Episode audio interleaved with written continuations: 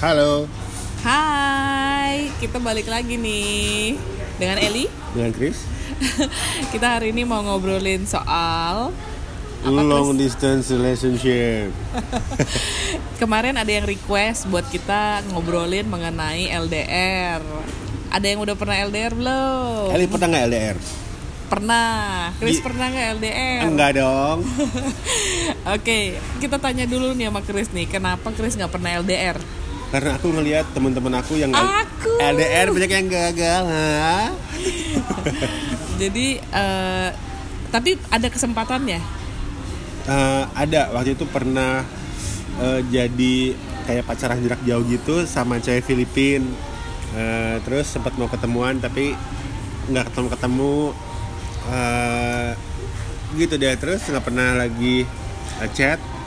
Eh, udah deh hilang deh Lokasinya di mana ceweknya? di Manila Chrisnya di? di, di Bandung. Oh, baik. Nah, kalau Eli itu gimana kalau Eli? tenang, tenang dulu, tenang dulu. Sebelum menuju ke situ, kita akan mendefinisikan dulu nih long distance relationship. Kalau yang satu di Pamulang, satunya di Pluit, termasuk long distance nggak? Termasuk Satunya Bogor, satunya lagi Bekasi, termasuk nggak? Enggak kayaknya. Eh gimana? Soalnya yang jauh cuma pelit doang. Oke, jadi eh, seberapa jauh nih jaraknya nih supaya kita bisa mendefinisikan kayak gimana tuh long distance? kalau menurut kalau menurut aku long distance itu kalau misalnya jaraknya itu sulit buat dua orang ketemuan. Sama sulit kalau dari Sudirman ke Senayan. Keterlaluan kalau itu. di jam kantor. Oke, jadi kita sepakat kalau misalnya Jakarta Depok termasuk long distance nggak? Enggak ya itu mah ya. Jadi Jabotabek yang under 100 km itu berarti termasuk normal ya? Di bawah 100 km. Ya. kalau Bandung Jakarta Kalau? Jakarta Subang, jauh sebang loh. jadi long distance nggak tuh? Long distance ya. Oke, jadi berarti beda kabupaten ya? Beda kota madya, kabupaten kan? Ya. Udah beda kabupaten, tapi di luar Jabodetabek ya? Ya. Oke, berarti udah udah sulit tuh ya kalau mau ketemu antara harus pakai travel, harus pakai bis atau kereta atau pesawat ya, Ya, bener. atau kapal laut. Kapal laut bisa. Berarti kalau balik ke Lombok termasuk long distance. Masuk. Oke. Kalau kita kita ngobrolin Chris dulu ya. Bosan kan soal saya terus. Jadi Chris terus selain itu ada kesempatan apa lagi buat long distance? Pernah eh, kabur dari mantan Yaitu ke ke Pangalengan, dari mana? Jakarta. Dari Jakarta ke Pangalengan. Iya. Kabur dari mantan sih bukan long distance ya. Tapi membuat yang tadinya itu eh, reachable distance jadi long distance. Dari Jakarta Jakarta terus jadi Jakarta Pangalengan. Iya, betul. Oke. Nggak valid. nah, kenapa tidak pernah long distance? Eh, karena aku lihat teman-teman aku yang eh, long distance semuanya gagal tinggal tunggu waktu aja ada yang sebulan yang seminggu ada yang beberapa hari Tapi ada yang kawin bukan? Eh, ada sih biasanya itu yang yang bener-bener si cewek dan cowoknya itu bisa menjaga diri untuk tidak jatuh cinta sama orang lain tapi itu pun pas temen gue jelek sama jelek Waduh, orang ini mainnya fisik nih. Geri ya, geri. Oke. siapa yang mau kan sama yang jelek kan jadi ya Buktinya mereka ada yang mau. Jadi setiap orang itu punya loh pasangannya. tapi kan sedikit yang mau makanya setia jadinya Oke. Berarti skeptis ya dengan LDR. ya Sudah pasti gagal. 99,5 persen gagal kalau Eli gimana Oke, dulu pernah pacaran itu Jakarta Bali. Terus cowoknya ke Singapura beberapa bulan setengah tahun, terus balik lagi ke Bali, pulangnya putus. nah nah kan Tapi zaman dulu itu kan susah. Kalau misalnya eh, paling SMS ya, SMS masih pakai pulsa, masih mahal lagi ya SMS. Terus surat-suratan, surat oh my god, surat-suratan ya. Jadi pakai surat. Terus mau kirim barang dulu juga belum belum gampang kayak sekarang. Jadi Eh, nggak ada video call nggak ada nggak bisa teleponan karena mahal. Jadi memang lebih sulit gitu. Terus terakhir lagi ada lagi enggak sih? Itu adalah long distance pertama dan terakhir kayaknya. Nah kan? Gagal kan? gagal gagal. Karena karena menurut aku sendiri eh, orang itu pasti butuh affection kan butuh kasih sayang butuh disentuh mungkin butuh didengarkan butuh ketemu. Jadi sulit ketika orangnya itu nggak ada. Jadi misalnya yang satu lagi down yang satunya lagi kerja terus beda time zone misalnya yang satu di Indonesia satunya di mana misalnya UK misalnya. Kan beda ya jam berapa jam berapa. Jadinya eh, ada ketidakcocokan tuh. Jadinya frekuensinya yang tadinya sama kemudian bisa berubah tapi gimana kalau misalnya ada orang yang tetap optimis dia bisa long distance gimana menurut Chris Silakan dicoba. Tapi kalau ternyata gagal, ya diterima aja. Karena begini. Apalagi kalau misalnya pacar kamu itu orangnya menarik ya. Dan kamu juga orangnya menarik. Waktu kalian itu terpisah secara jarak, terus salah satu dari kalian itu butuh teman, butuh orang yang disayang, butuh diayomi, pasti akan ada orang-orang di sek- di sekitar kalian yang akan menawarkan diri untuk memenuhi kekosongan itu. Habis itu ya tinggal tunggu waktu deh. Ini pada dasarnya sih kalau menurut aku juga ya eh, karena kita itu kan frekuensi. Contoh misalnya eh, frekuensi aku nih lagi di frekuensi 100 gitu. Terus pindahlah gitu si frekuensi 100 ini misalnya ke kota Jogja misalnya. Nah, seharusnya orang yang merasa bahwa kita itu sama ada frekuensinya pasangan gitu ya sama-sama frekuensi 100, dia akan ikut pindah. Iya dikejar kan akhirnya Ya, kan. dia pasti saling mengejar gitu. Jadi nggak nggak bisa tuh harus jauh-jauhan. Kalau misalnya pun ceweknya atau cowoknya memutuskan untuk tiba-tiba pindah ke kota lain, bahkan sudah ada orang tersebut jadi pasangan dia, berarti dia tidak merasa harus terikat di kota asal karena menurut dia kota yang baru lebih potensial. Betul Bener karena kan? ada orang yang sayang itu. Betul, karena kalau misalnya mereka memang mau memutuskan untuk melanjutkan antara yang satu tetap tinggal di kota semula atau mereka berdua sama-sama pindah. Ya kan? Karena merasa saling worth it kan. Iya. Jadi di mana pun kamu berada di situlah rumah. Uh, betul ya. Oke, jadi kita akan ngomongin mengenai frekuensi tanpa sadar nih karena LDR gitu ya, karena berhubungan dengan jarak, maka kita terpaksa harus menggunakan rumus frekuensi. jadi pada dasarnya frekuensi bukan dibikin-bikin ya, bukan saya yang bikin, bukan Chris yang bikin, tapi frekuensi itu ada secara fisika, secara ilmu pengetahuan itu bisa dan ada. Oke, jadi frekuensi itu itu berkebalikan dengan jarak. Semakin rendah suatu frekuensi itu semakin dalam atau semakin jauh penetrasi gelombang itu. Nah, frekuensi yang lebih dalam itu kalau di apa kalau diterapkan ke dalam pikiran kita itu adalah frekuensi-frekuensi yang eh, mendekat ke alam bawah sadar kita. Seperti eh, contohnya saat kita benar-benar sayang sama orang itu frekuensinya lebih rendah daripada kita pura-pura sayang sama orang. Berarti kalau misalnya frekuensi rendah means itu ke mendekati alam bawah sadar gitu. Iya betul. Berarti cinta itu termasuk frekuensi rendah.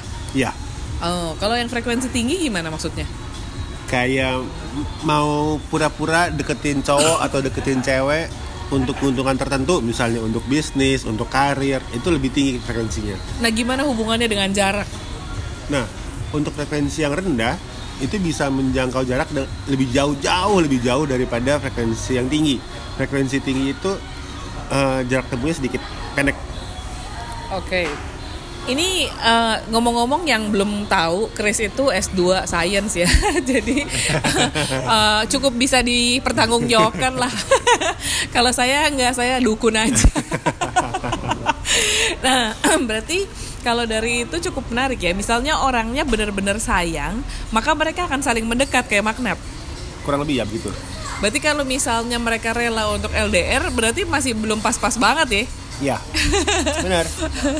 Berarti karena salah satu tidak merasa harus ada yang berkorban Iya. kan? Contoh misal nih, eh Eli mau mau mengejar karir di Bali, terus pacarnya kebetulan mau kuliah S2 nah bukan berarti di Bali juga nggak ada universitas yang bagus kan gitu kenapa harus eh, tetap ngotot misalnya kuliah di Pulau Jawa kalau sementara orang yang sangat kita sayang ada di Bali Hmm.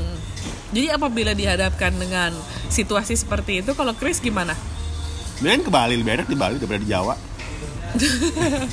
Oke, berarti misalnya pun Chris mau S2 nih sebagai cowoknya, berarti dia akan mengikuti S2-nya ya di Bali gitu. ya itu kalau Eli misalnya yang saya suka Nah, tapi misalnya gimana dengan eh, apakah long distance yang kita maksud nih berhubungan dengan waktu tertentu? Misalnya long distance nih contoh, apakah tiga bulan termasuk long distance? Ah, termasuk Sebulan? termasuk Berarti da- se- misalnya salah satu dari pasangan misalnya dapat kesempatan misalnya untuk belajar selama sebulan ke Korea misalnya. ya Itu termasuk long distance. termasuk long distance Tapi kan nggak mungkin pasangan satunya lagi punya kesempatan juga ke Korea dan mungkin juga ketabrak ekonomi misalnya waktu pekerjaan dan lain-lain. Ya, jadi eh, setiap kita itu terpisah jauh untuk eh, sekian waktu dari pasangan kita, itu udah ada potensial untuk selingkuh, untuk kita, untuk salah satu tidak bisa memegang lagi koi komitmennya terhadap satu sama lain. Nah, tapi gimana dengan long distance yang dikaitkan dengan open relationship? Karena long distance yang kita bahas itu kan mengenai uh, jarak ya, jarak di antara pasangan. Tapi bagaimana dengan kesepakatan? Nah, untuk open relationship karena pasangan ini terbuka apabila pasangannya itu memiliki orang lain atau misalnya cem-ceman lain, eh, mostly open relationship lebih bisa survive dengan LDR. Berarti better daripada memaksakan diri terus kemudian akhirnya ketahuan lah. Yang sa- salah satu kan pasti ada yang parno ya. Jadi salah satu mulai ngecek ngecek aku aku dulu punya teman Eh, temanku di Jakarta cowoknya di Bali. Nah dia ceweknya cuek sebetulnya ceweknya yang di Jakarta yang di Bali itu cowoknya lebih ke mana-mana gitu ya orangnya lebih easy going at some point tiba-tiba dia menemukan di Instagram ada cewek ngetek cowoknya itu lagi renang berdua di pantai. Ya. Dah dari situlah mulai apinya keluar. Nah, seandainya mereka berdua open relationship, si cewek memang sudah mengantisipasi kalau si cowok akan punya teman teman perempuan lain selagi dia pergi. Termasuk si ceweknya juga punya teman pria lain. gitu. Ya, mungkin si mungkin ceweknya nggak akan separno itu, mungkin dia hanya akan nanya, eh itu siapa? Karena memang nggak make sense sih kalau dipikir-pikir ya. Contoh misalnya mereka memutuskan untuk salah satu pergi ke Bali misalnya, salah satunya di Jakarta. Terus itu dalam kurun waktu lama yang tidak tentu. Jadi yang satunya mencari karir, yang satu di Ka- Jakarta juga mencari karir. Jadi kayaknya sangat nggak make sense sih ya kalau kita berpikir contoh waktu yang tidak tentu berapa tahun, dua tahun, tiga tahun, terus terpisah. Paling salah satu visit kan, visit paling seminggu, tiga hari atau dua minggu paling lama. Abis itu balik lagi ke kehidupan yang sebelumnya. Lah kalau misalnya dalam jarak 2-3 tahun, 5 tahun, terus mereka expect bahwa salah satu dari mereka itu tidak punya pasangan lain, Walaupun pasangan sementara ya. meskipun itu pasangan sementara, apakah jadinya itu juga nggak sehat kan? Maksudnya Iya, jadi nggak sehat bener. gitu loh orangnya. Mendingan sekalian open relationship, tapi itu kalau kuat. Jadi sebaiknya nih saran dari Chris itu LDR plus open Ya relationship. benar. Oke, jadi gimana menurut Chris kalau misalnya uh, long distance tapi tanpa open relationship? Misalnya berpegang teguh tetap kepada prinsip. Gini, aku yang membuat pertanyaan pun aku merasa lucu ya.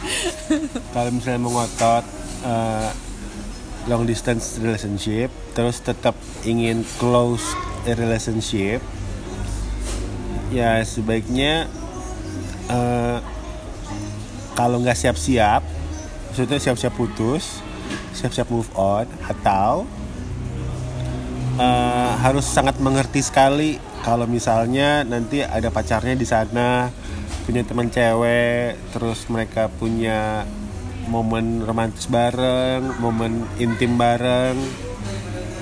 Itu pun kalau misalnya si pacarnya nggak mau berpindah ke lain hati ya Berarti kan sebetulnya pada dasarnya baik cewek maupun cowok semuanya butuh romance ya. Makanya aplikasi dating laku keras kan? Karena masing-masing dari orang itu selalu ada keinginan untuk punya romance. Apalagi kalau pasangannya nggak ada di situ. Nah, betul. kadang-kadang ada yang eh, ada nggak temen Chris yang bolak-balik pergi terus nanti cari selingkuhan terus balik lagi ke pasangannya?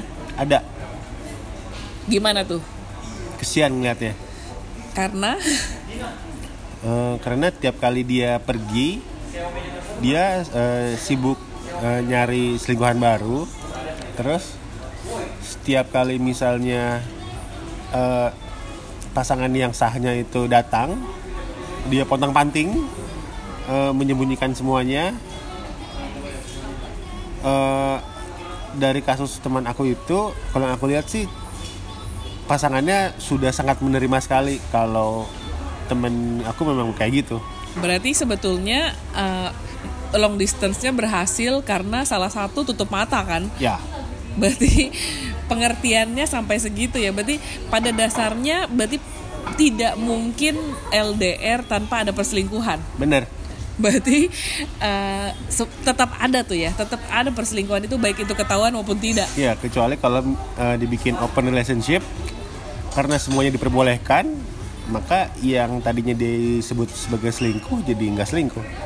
baik baik berarti kita sendiri eh, sebagai eh, orang setuju bahwa LDR tidak akan berhasil ya Ya, kecuali LDR-nya tutup mata bahwa salah satu akan selingkuh atau eh, LDR dengan open relationship. betul. Baik, kalau gitu.